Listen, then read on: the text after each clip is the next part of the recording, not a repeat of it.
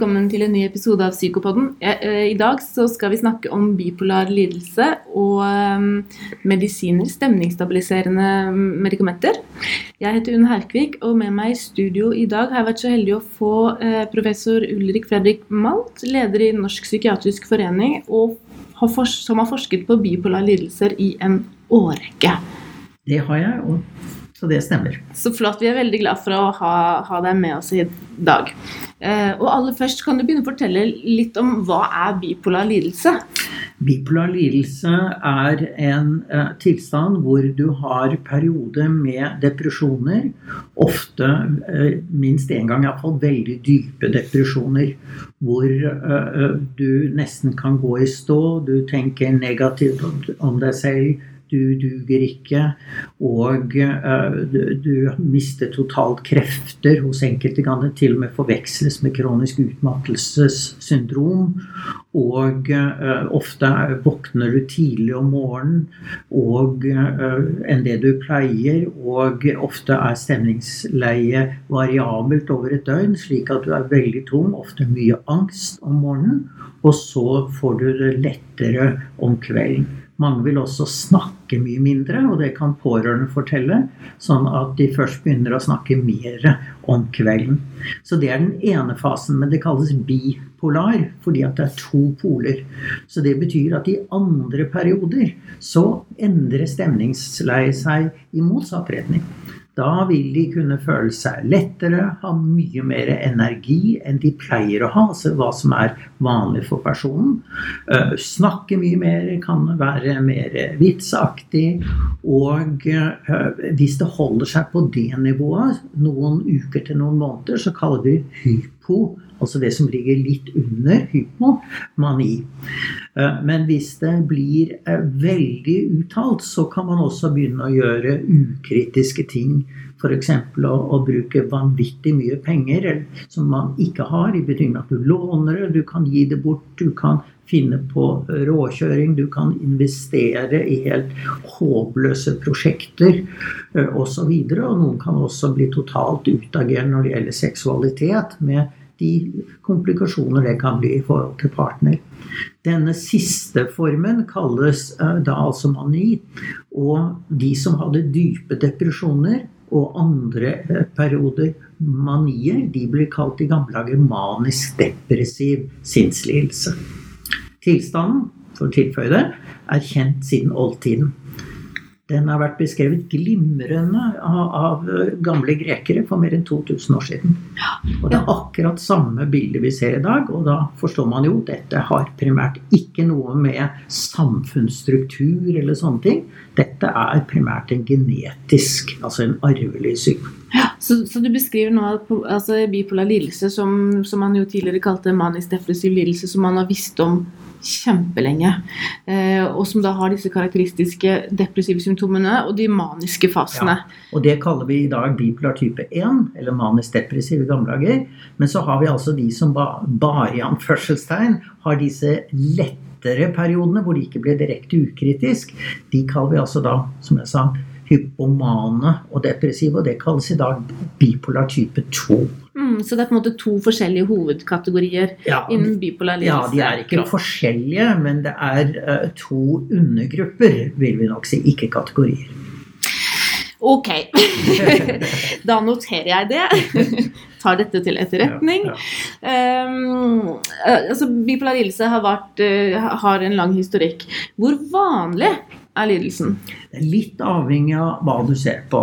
Hvis du ser på det vi i gamle dager kalte manisk depressiv sinnslidelse eller bipolar lidelse type 1, så ligger forekomsten i befolkningen eh, omkring 1% og Det betyr at hvis vi tar utgangspunkt i en voksende befolkning i Norge og sier at det er ca. 3,5 millioner, så betyr det at det er 35 000 Antagelig er det et minimum som har dette i øyeblikket i Norge.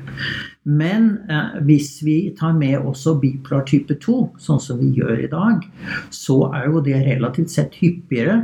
Litt avhengig av hvor eh, du setter grensen eh, eh for eh, diagnosen der, så vil det ligge fra 2 til 4% Ja, Hva mener du med det, litt uavhengig av hvordan Ja, fordi at du, du kan definere f.eks.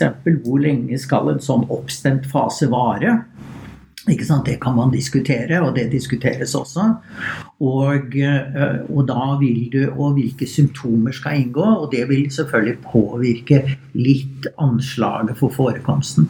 Men som en tommelfingerregel så kan vi si fra 2 til 4% altså 2 til 3 til 4 ganger hyppigere enn den klassiske manisk bipolar. Og vi regner i dag at hvis en pasient kommer til lege og har en uttalt depresjon, i diagnosebetydning, så vil tre til fire av ti i virkeligheten ha en udiagnostisert bipolar lidelse type 2. Ja, så man på en måte ser disse spesielt alvorlige depresjonene som en del av det bipolare spektrumet, som du beskrev initielt. Ja, altså man vil da si at de skal i prinsippet ha hatt en hypoman eller manisk episode, men en del av disse kommer jo inn først med depresjon, særlig blant yngre mennesker, og så vil de i neste omgang da komme frem med de hypomane eller maniske episodene. Når er det man som lege da skal tenke at, eller mistenke at dette kan være en depresjon som er en del av et bipolart spektrum? Det første man skal vektlegge, er om det har vært noe i familien. Mm -hmm. Har det vært bipolar lidelse i familien? Det andre er at man skal spørre om det har vært suicid i familien, fordi at det er en voldsom opphopning av suicid ved denne type tilstander. Og det tredje man skal spørre om, er noen slektninger, om det er noen slektninger som har vært innlagt på psykisk psykiatrisk sykehus, eventuelt og fått ECT, eller noen som da bare, bare i anførselstegn har fått ECT. Dette er de viktigste kriteriene. Når det gjelder bipolar type 2, så vil veldig mange pasienter ikke huske at de har vært hypomane, for de opplever ikke det. Så da må man snakke med pårørende. Mm. Og rett og slett spørre f.eks. ektefelle. Har du merket at det har vært endringer i eh, måten å være på hos din eh, partner eller ektefelle, hva det er, eh, over en periode fra noen uker til noen måneder? Og da vil man kunne svare ja på det. Mm. Så det er på en måte en del sånne faktorer rundt som man kan etterspørre. Hva ser man etter klinisk? Eh, klinisk så vil vi vanligvis møte disse i depressiv fase. Iallfall hvis det er bipolar type 2. Og da vil vi legge merke til ansiktsuttrykket. De vil jo ofte ha veldig deprimerte øyne. Altså man kan liksom se det på blikket hvordan de virker depressive. Og det andre klassiske tegnet er det vi kaller psykomotorisk hemning. Og det betyr bare at de beveger seg saktere, de snakker saktere, det kan være lengre pauser mellom hvert ord. Altså alt virker som det går på på lav hastighet, og at det går veldig tregt. Det er de to viktigste tingene vi ser på. Når det gjelder det maniske, så er ikke det så vanskelig å oppdage. For da snakker de ett sett, og de snakker veldig fort, ikke sant? og det går som bare søren, og de assosierer ut og inn.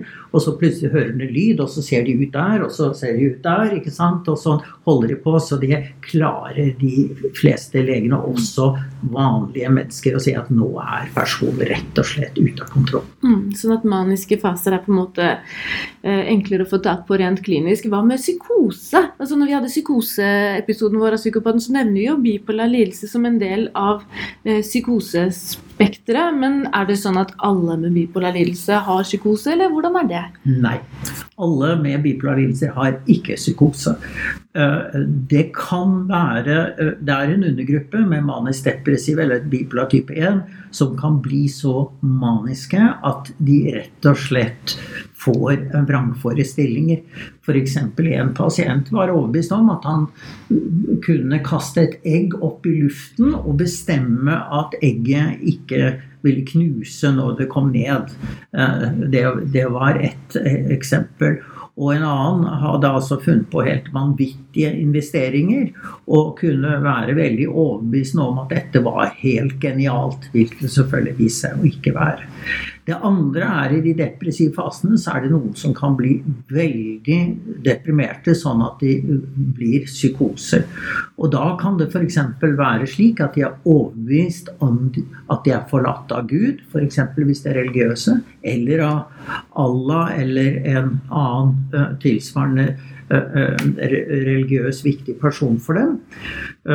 Og noen kan også mene at de har kommet inn i en økonomisk ruin, selv om de ikke er det. Noen kan mene at de er totalt udugelige, og eh, kan også føle at de fortjener å dø, og at til og med av og til eh, det, det kan være lagt ut eh, bomber for å skade dem, men da vil det være ekstreme type psykotiske depresjoner hvor uh, det også nok er litt vrangforestillinger i mer forfølgelsesforestillinger i bildet. Ikke sant, Så det kan være stort sett da stemningskongruente psykosesymptomer, ja. men det kan bikke ja. over? Stemningskongruente, mm. det betyr at innholdet i psykosen, uh, det depressive, gjenspeiles i vrangforestillingene. Altså vrangforestillingene har et depressivt preg. F.eks.: jeg fortjener å dø fordi at jeg har gått snytt på skatten, f.eks. Mm. Og eh, det vil jo folk flest skjønne, at man fortjener ikke å dø fordi man har snytt på skatten. Ja. Nei, det er riktig. Hva med altså, dette er jo Du beskriver jo veldig dype, eh, alvorlige dep depressive mm. faser her. Hvordan er det med suicidalitet? Suicidaliteten med bipolare lidelser er veldig sterkt øket. Det er faktisk den psykiske lidelsen hvor eh, selvmord er eh, hyppigst forekommende.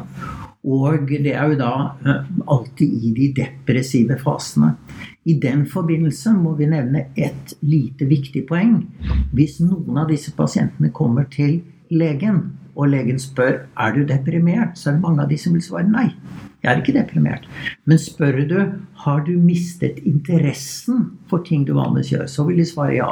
Har du opplevd at du er blitt nærmest følelsesmessig lammet i betydning at du, alt er blitt flatt, så vil de svare ja. Og det er viktig. Og så må man spørre om de har hatt selvmordstanker. Mm. Og bare tilfelle noe der.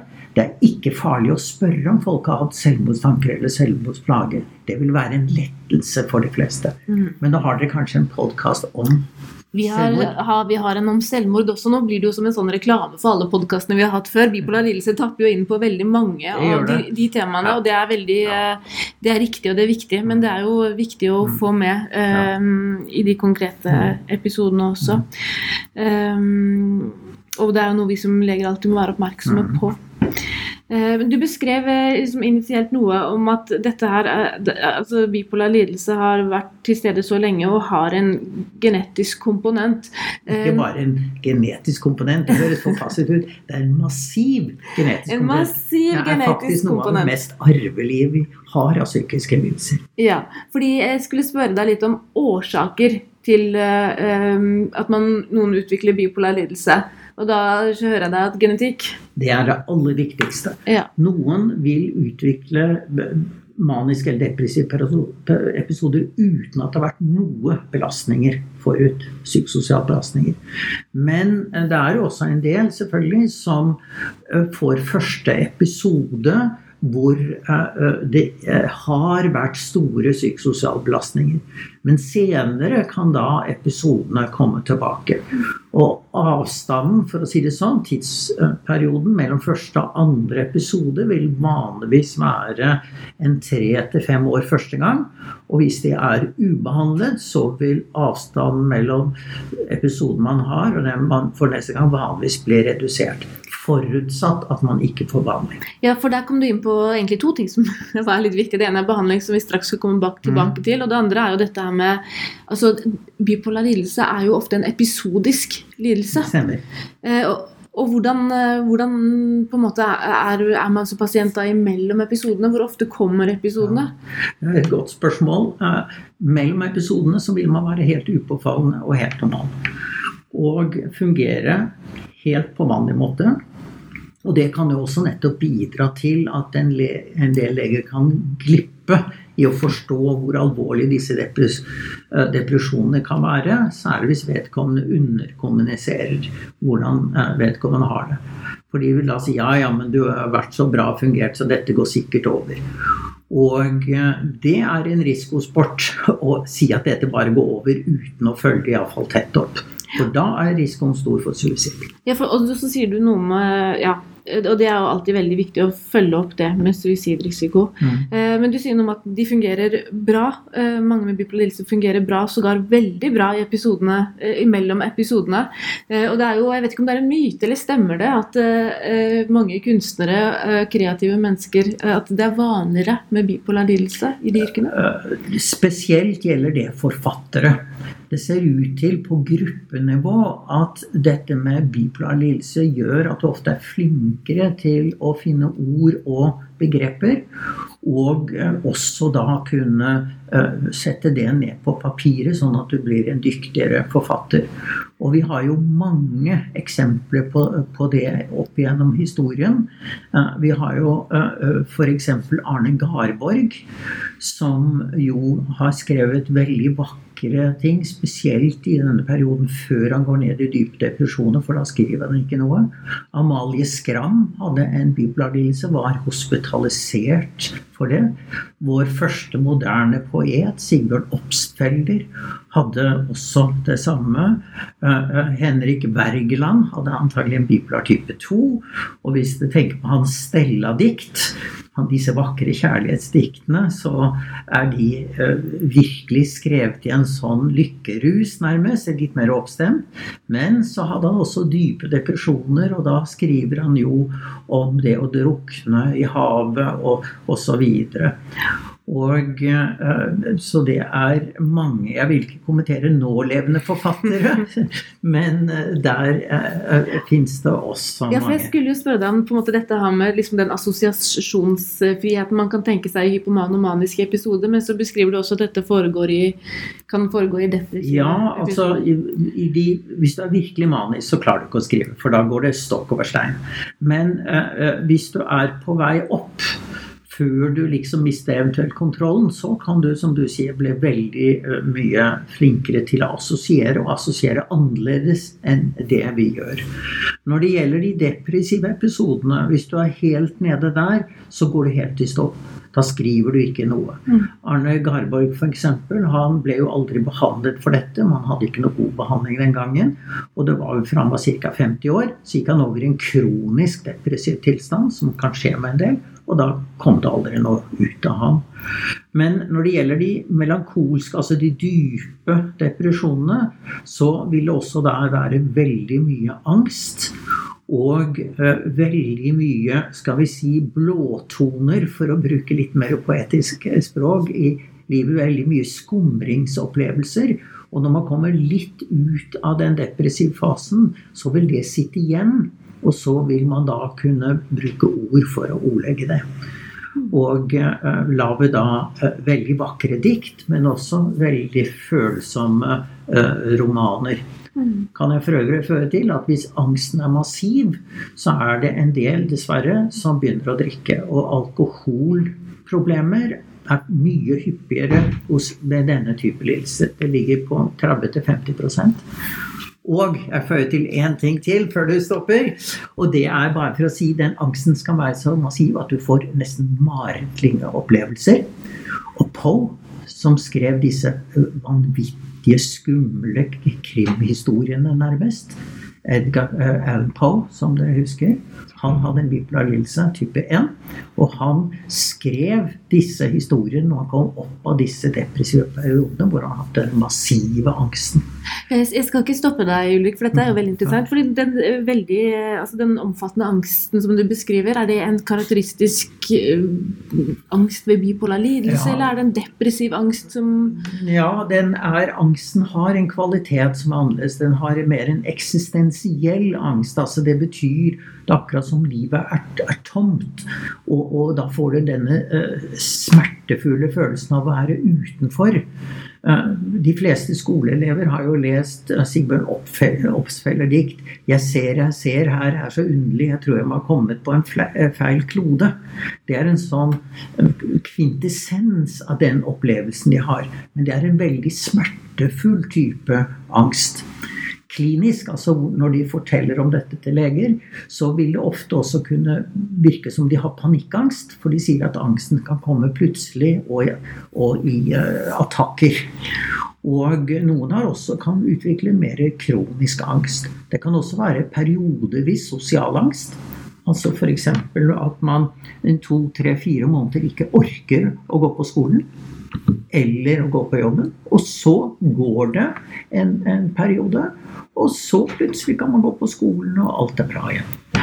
Sånn at det på en måte er symptomer vi kjenner igjen fra andre lidelser, men som har et egen klang. Som har en litt egen klang, og som man må være oppmerksom på. For en vanlig feildiagnose, både når pasienten selv skal diagnostisere, og fastleger som ikke kjenner dette veldig godt, det er at hvis de kommer inn med angsten, så tror de da at dette er en genosert angst. Kommer de inn med sosial fobi, det som også kalles sosial angst, så glemmer de å spørre om den har vært episodisk. Og så tror de at det er en, en vanlig anførselstegn eh, somatisk angst. Og det må også eh, bemerkes at ADHD kan også forveksles med lidelser. Men ADHD den vil være kronisk til stede. altså betyr Den er et personlighetstrekk. Mens de bipolare de vil ha såkalt episodisk ADHD. Nå finnes det en rekke andre forskjeller også, men det blir for spesielt. Mm. Og det er jo kjempefint, for da fikk vi tatt litt grann sånn komorbiditet gjennom en sånn slags mm. sveip innad i litteraturen, og det er egentlig veldig fint. Mm. Du sa en annen ting også at eh, når, eh, tidligere her med at noen forsvant ned, altså Garborg fordi det ikke fantes ordentlig behandling, så forsvant han ned i mørket. Mm.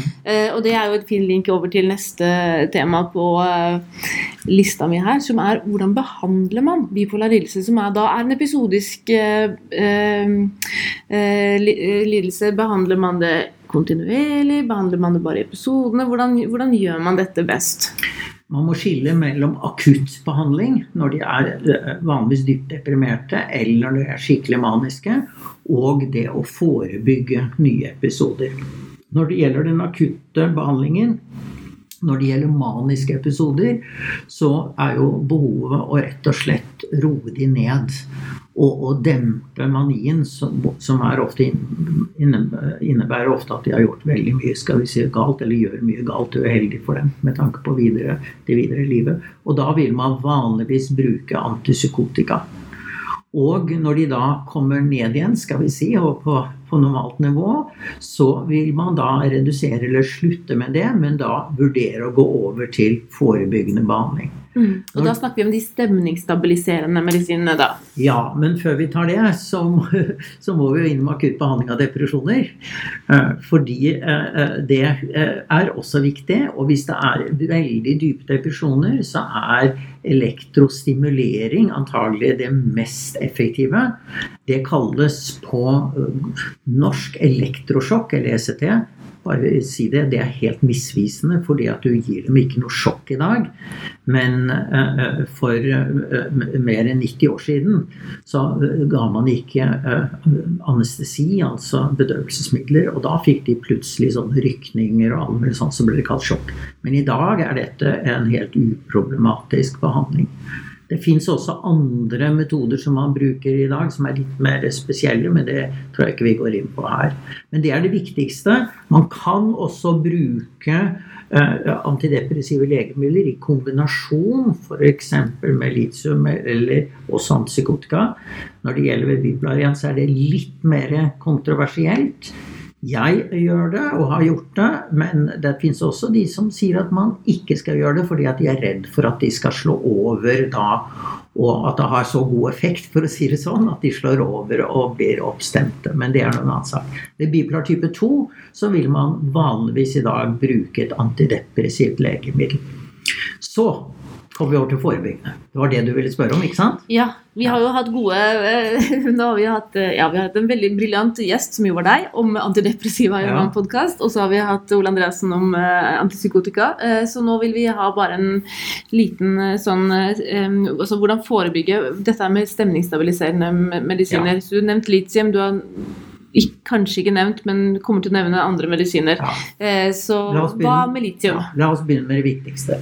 Litium har den effekten at det stabiliserer eh, stemning, eh, eller forløpet, sånn at du unngår maniske episoder, og også svært ofte de depressive episodene. Men det er først og fremst for den gamle manisk-depressive sinnslidelse, eller bipolar lidelse type 1, hvor det brukes mest.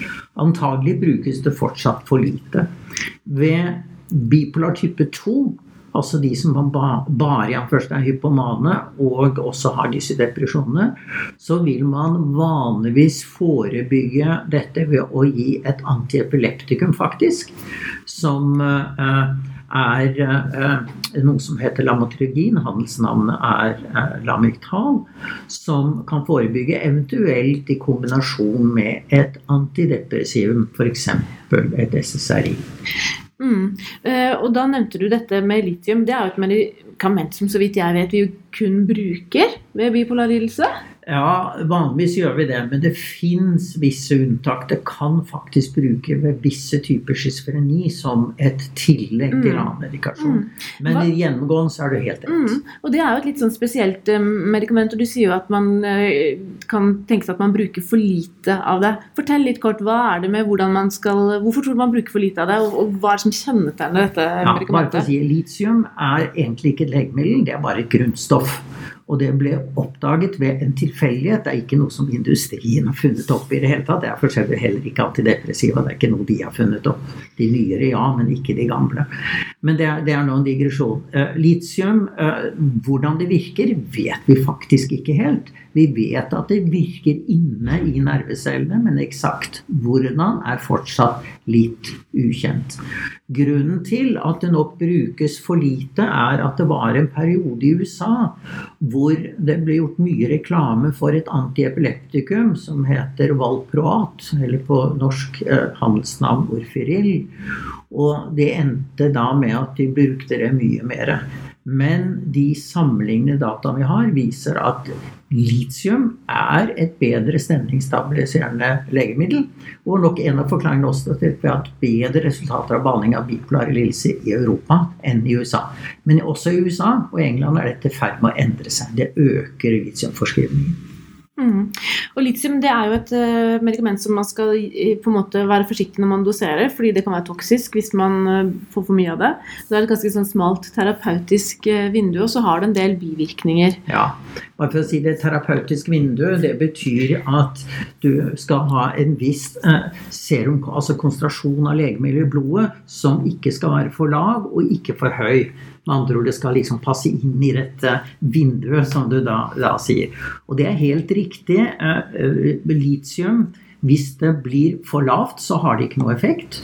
Hvis konsentrasjonen blir for høy, så kan du få veldig mye uh, bivirkninger. Og i verste fall, hvis konsentrasjonen blir veldig høy, at du tar virkelig en overdose, så kan du bli totalt forvirret. Og noen kan til og med utvikle slaglignende symptomer. Men det er viktig å understreke det er ikke farlig å bruke så lenge man går til regelmessig legekontroll og øh, øh, bruker det sånn som legen er forskrevet. Og så en viktig ting å være klar over. Det reduserer forekomsten av suicid ved bipolar nesten til det normale. At det ikke blir mer enn det det er den vanlige befolkning. Så det er et utrolig viktig legemiddel, og pussig nok et grunnstoff. Ja, det tenker jeg eh, Det hørtes ut som en sånn Det hørtes litt ut som en salgsreklame ja, på slutten der, men eh, det... det er faktisk det også, fordi at skal vi redusere forekomsten av bipolar lidelser, altså nye episoder, så er det det med å bruke. Og en liten interessant ting. De vannverkene i verden som har mer enn en viss konsentrasjon av litium normalt i grunnvannet, for dette er jo et grunnstoff, de har de menneskene i den befolkningen som drikker dette i grunnvannet, så er de mindre type mindre depresjoner enn andre steder. Det er en interessant digresjon. Ja. Tusen takk for at du stilte opp, uh, Ulrik Malt. Det var veldig hyggelig å få uh, snakke litt igjennom dette med deg. Bare hyggelig. Det var en glede. Takk.